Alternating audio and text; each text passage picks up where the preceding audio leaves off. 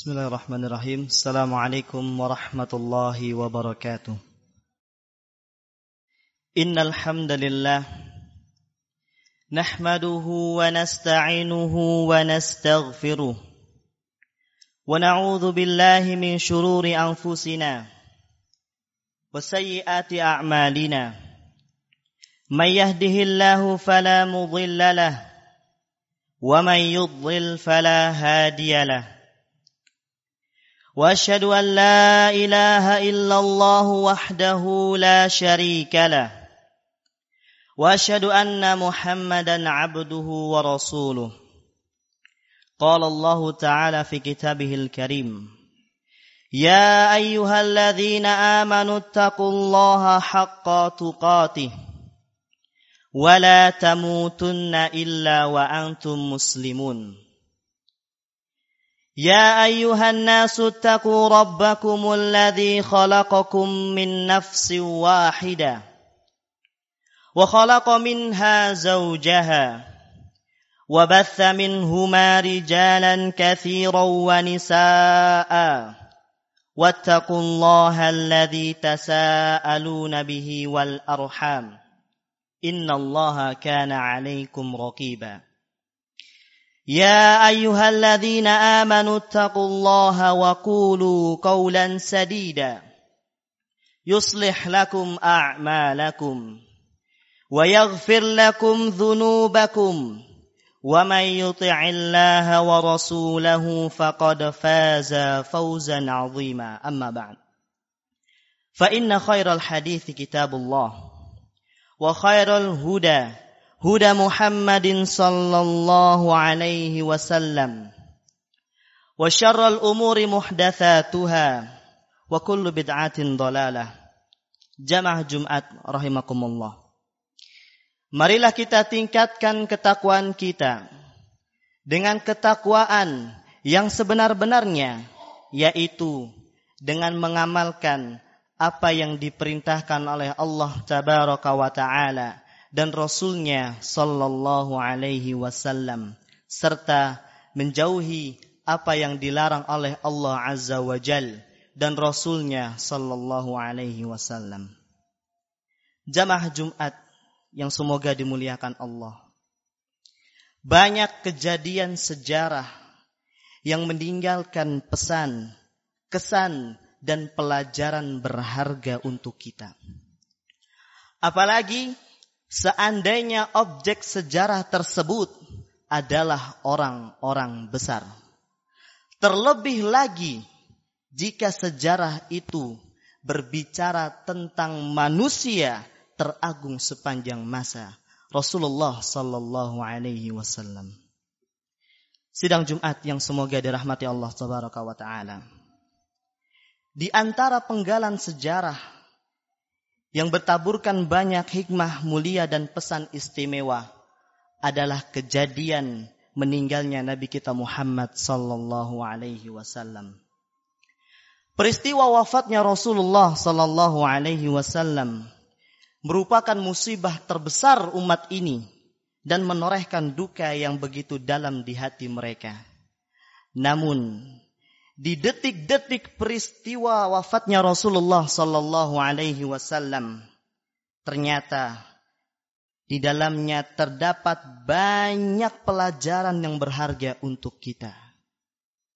Saat beliau menderita sakit menjelang wafatnya, para sahabat datang silih berganti untuk membesuk beliau sallallahu alaihi wasallam. Di antara mereka bernama Abu Sa'id Al-Khudri radhiyallahu anhu. Beliau menceritakan kondisi ketika Nabi Shallallahu alaihi wasallam sakit. Abu Sa'id Al-Khudri berkisah berkata, "Dakhaltu 'ala Nabi sallallahu alaihi wasallam wa huwa yu'ak." Aku mengunjungi Nabi sallallahu alaihi wasallam saat beliau sakit parah. Fawada'tu yadi alaihi. Aku pun meletakkan tanganku di atas beliau sallallahu alaihi wasallam. Fawajjatu harrahu baina yadayya fawqal hilaf. Maka tatkala aku meletakkan tanganku di atas beliau, Aku pun merasakan panasnya tubuh beliau. Padahal saat itu aku meletakkan tanganku di atas selimut yang beliau pakai.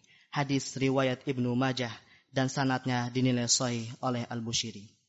Dalam kondisi separah itu, Rasulullah Shallallahu Alaihi Wasallam masih tetap pergi ke masjid untuk mengimami para sahabat. Ummu Fadl radhiyallahu anha bercerita, "Kharaja ilaina Rasulullah sallallahu alaihi wasallam wa huwa 'asibun ra'sahu fi maradi." Saat sakit Rasul Shallallahu Alaihi Wasallam keluar rumahnya menuju kami yang ketika itu berada dalam masjid. Dan saat itu beliau mengenakan kain di atas kepalanya untuk meringankan pusing yang sangat beliau rasakan. Fasallal maghriba faqara'a bil mursalat. Kemudian beliau pun mengimami kami salat maghrib. Dan ketika itu beliau membaca surat Al-Mursalat. Qalat.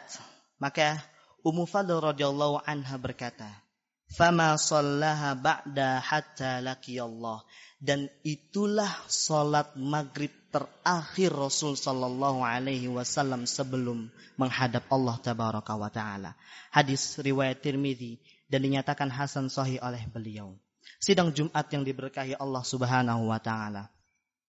Lantas bagaimana dengan hari-hari berakhir beliau Sallallahu Alaihi Wasallam setelah menunaikan sholat di rumahnya? Maka mari kita dengarkan kisah yang disampaikan oleh Aisyah istri baginda Nabi kita Muhammad sallallahu alaihi wasallam. Beliau mengatakan, "Thakulan Nabi sallallahu alaihi wasallam faqala, asallan nas?" Ketika Nabi sallallahu alaihi wasallam sakitnya semakin parah, Nabi sallallahu alaihi wasallam berkata, "Sudahkah salat orang-orang? Sudah salatkah orang-orang?" Fakulna, "La, hum yantadhirunak." Maka kami pun menjawab, belum wahai Rasul, mereka menunggumu. Qala du'uli ma'an fil mikhdab. Maka ketika itu Rasul sallallahu alaihi wasallam berkata, ambilkan untukku seember air. Ketika mendengar perintah tersebut, kami pun bersegera mengambilkan beliau seember air. Faghtasala fadhahaba liyanu'a fa'ughmiya alaih. Maka beliau pun mandi. Dan tatkala bangkit untuk pergi ke masjid, beliau jatuh pingsan dan tidak sadarkan diri. Thumma afaqa faqala sallallahu alaihi wasallam asallan nas. Kemudian beliau siuman dan mengatakan, Sudahkah orang-orang sholat? Maka kami pun menjawab, belum wahai Rasulullah, mereka sedang menunggumu.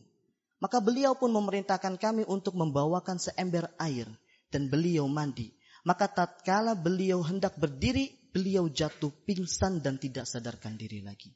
Thumma afaqa. Faqala sallallahu alaihi wasallam as-sallan nas. Kemudian beliau pun siuman kembali dan bertanya kepada kami, sudahkah orang-orang sholat?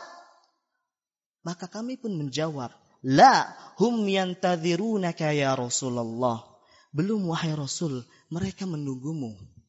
Maka Kemudian pun beliau kembali memintakan untuk dibawakan seember air. Ketika kali itu kami langsung membawakan seember air dan beliau pun mandi dan ketika bangkit untuk pergi ke masjid, beliau jatuh pingsan dan tidak sadarkan diri. Thumma afaqa faqala as nas. Kemudian beliau pun siuman dan mengatakan, sudah solatkah orang-orang? Maka kami pun menjawab, La hum yantadhirunaka ya Rasulullah. Belum wahai Rasulullah, mereka menunggumu. Kemudian Aisyah mengatakan, "Wan nasu 'ukufun fil masjid yantadhiruna an-nabiy sallallahu alaihi wasallam li salatil isya'il akhirah." Ketika itu para sahabat mereka berdiam di masjid untuk menunggu kedatangan Nabi sallallahu alaihi wasallam agar mengimami salat Isya mereka. فأرسل النبي صلى الله عليه وسلم إلى أبي بكر بأن يصلي بالناس. Maka Nabi Shallallahu Alaihi Wasallam mengutus utusan untuk mendatangi Abu Bakar dan berkata kepada Abu Bakar supaya dia mengimami orang-orang untuk sholat isya. Fa'atahur Rasul. Kemudian utusan tersebut pun bersegera mendatangi Abu Bakar. Fakolah seraya berkata ke Abu Bakar. Inna Rasulullah sallallahu alaihi wasallam ya'muruka an tusalliya bin nas. Wahai Abu Bakar, sesungguhnya Rasul memerintahkanmu untuk mengimami solat para sahabat. Faqala Abu Bakar wa kana rajulun. Abu Bakar pun ketika mendengar perintah tersebut, dia merasa tidak pantas karena Abu Bakar ini orangnya perasa. Tidaklah dia membaca Al-Quran melainkan akan meneteskan air mata. Maka Abu Bakar pun berkata kepada Umar, Ya Umar, salli bin nas. Wahai Umar, salatlah engkau, jadilah engkau imam untuk kaum muslimin. Faqala lahu Umar. Maka Umar pun berkata ke Abu Bakar, Anta ahakku bidzalik engkau wahai Abu Bakar lebih berhak akan hal tersebut. Fasalla Abu Bakrin tilka ayyam. Maka Abu Bakar pun menjadi imam untuk para kaum muslimin. Pembantu kesayangan Rasul Shallallahu Alaihi Wasallam Anas bin Malik radhiyallahu anhu menambahkan, Anna Abu Bakrin kana yusalli lahum fi waja'in Nabi sallallahu alaihi wasallam alladhi tuwfiya fi. Saat Nabi Shallallahu Alaihi Wasallam sakit menjelang wafatnya, Abu Bakarlah yang mengimami para sahabat. Hatta idza kana yaumal itsnaini wa hum sufufun fis. Sampai masuk hari Senin. Ketika masuk hari Senin dan saat itu para sahabat sedang duduk berbaris-baris untuk menunggu sholat. Fakashafan Nabi sallallahu alaihi wasallam sitral hujrati fayanzuru ilaina. Maka tiba-tiba Nabi sallallahu alaihi wasallam membuka tirai pintu rumahnya dan beliau melihat kepada kita. Wa huwa qa'imun ka'annahu wajhahu waraqatun mushaf dan ketika itu kami melihat beliau sedang berdiri dan kami melihat wajahnya bersinar indah bagaikan kertas mushaf. Thumma tabassama yadhak. Lalu beliau pun tersenyum bahagia. Fahamamna an naftatirana minal fajri biru'yatin Nabi sallallahu alaihi wasallam. Melihat kejadian tersebut, hampir saja kami bubar karena amat bergembira melihat Nabi sallallahu alaihi wasallam. Fanakasa Abu Bakrin ala aqibaihi liyasila ila. Ketika Abu Bakar melihat hal tersebut juga, maka Abu Bakar pun mundur untuk bergabung bersama makmum yang lainnya. Wa dhanna anna Nabi sallallahu alaihi wasallam kharaja ila shalah. Karena Abu Bakar berpikir bahwa Nabi sallallahu alaihi wasallam akan keluar dan menjadi imam pada waktu tersebut. Fa'asyara ilaina Nabi sallallahu alaihi wasallam an atimmu salatakum. Namun ternyata Nabi sallallahu alaihi wasallam memberikan isyarat agar terus melanjutkan salat. Wa arkhas sitra fatuwfiya min yaumi. Kemudian setelah itu Nabi pun menutup tirai rumahnya dan hari itulah Nabi sallallahu alaihi wasallam wafat. Hadis riwayat Bukhari kaum muslimin yang kami hormati. Pelajaran berharga dalam sepenggal kisah wafatnya Rasul Shallallahu Alaihi Wasallam di antaranya adalah betapa besarnya beliau Shallallahu Alaihi Wasallam perhatian terhadap perkara solat. Di solat maghrib, yang merupakan solat terakhir beliau menjadi imam. Di kondisi beliau sakit yang sangat parah, beliau mampu membaca surat Al-Mursalat yang panjangnya 50 ayat. Kemudian, lihatlah bagaimana perjuangan Nabi Shallallahu alaihi wasallam. Perjuangan beliau agar bisa menunaikan sholat isya bersama para sahabatnya. Beliau rela untuk jatuh bangun. Bahkan beliau sempat tidak sadarkan diri serta mandi berkali-kali supaya tubuh beliau segar dan bisa pergi untuk menjadi imam bersama para sahabatnya. Padahal sebenarnya seorang insan yang dalam kondisi tersebut, yang dalam kondisi sakit seperti itu, ia berhak mendapatkan keringanan untuk sholat di rumah. Maka Bagaimana dengan kita yang kerap ogah-ogahan ke masjid? Salat sering kali dikalahkan dengan tugas kantor, pekerjaan sekolah, menjaga toko, menunggu sawah, dan seabrek urusan duniawi lainnya. Tubuh sehat dan badan bugar, namun masih sering enggan pergi ke masjid. Bandingkan dengan Rasul Shallallahu Alaihi Wasallam yang saat menderita sakit tersebut, beliau pun berusaha untuk tetap pergi ke masjid. Walaupun harus dipapah oleh dua orang sahabat. Istri beliau Aisyah radhiyallahu anha mengisahkan, "Fawajada an-nabiy sallallahu alaihi wasallam bin nafsihi khiffatan." Suatu hari Nabi sallallahu alaihi wasallam merasa agak mendingan dari sakitnya. Fakharaja yuhada baina rajulaini. Beliau pun keluar dengan dipopoh, dengan dipanggul oleh dua orang sahabatnya. Kemudian Aisyah mengatakan, "Ka'anni anduru rijlaihi takhuttani minal wajah."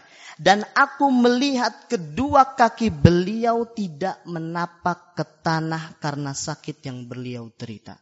Hadis riwayat Bukhari. Semoga sepenggal kisah wafatnya Rasul Shallallahu Alaihi Wasallam bisa memberikan kita inspirasi pada kita untuk lebih meningkatkan kembali perhatian kita kepada ibadah amaliyah teragung dalam Islam yaitu salat. Nafa'ani Allahu wa iyyakum bil Qur'anil azim wa bi sunnati sayyidil mursalin. Aqulu qawli hadha wa astaghfirullahal al jalila li wa lakum wa muslimina min kulli dhamin innahu huwal ghafurur rahim. Alhamdulillahil wahidil qahhar. Ar-Rahimul أحمده تعالى على فضله المدرار وأشكره على نعامه الغزار.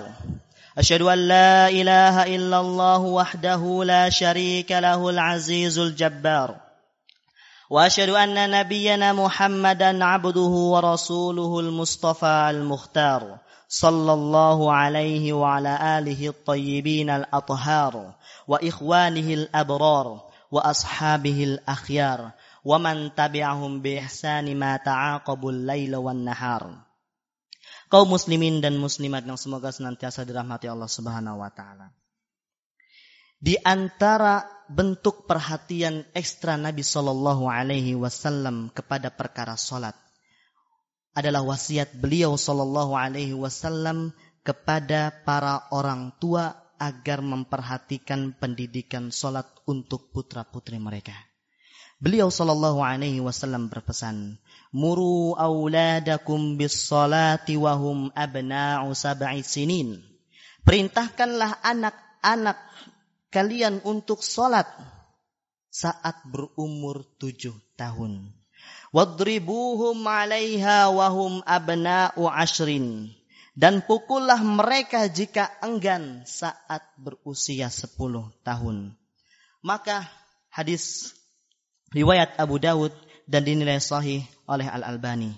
Maka alangkah indahnya saat azan dikumandangkan, para bapak beserta putra-putranya berbondong-bondong menuju ke masjid memenuhi panggilan suci tersebut.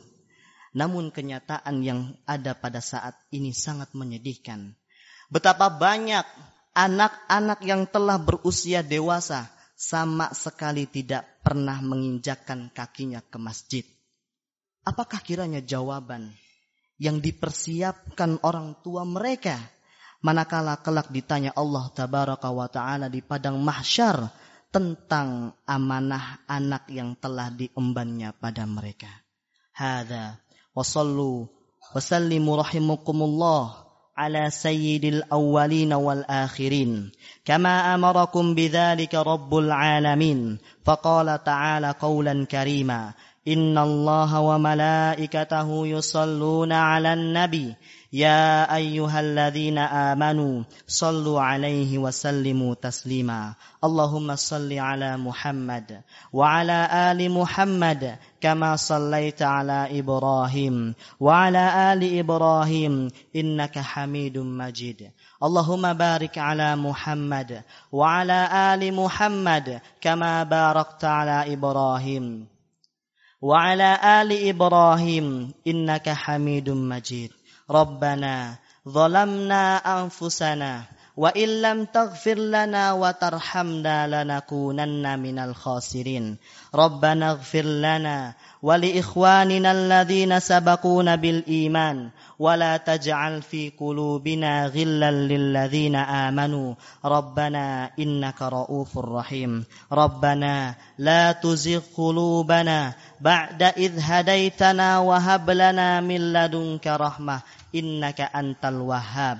ربنا آتنا في الدنيا حسنة وفي الآخرة حسنة وقنا عذاب النار. وصلى الله على نبينا محمد وعلى آله وصحبه ومن تبعهم بإحسان إلى يوم الدين. وآخر دعوانا أن الحمد لله رب العالمين. أقيموا الصلاة.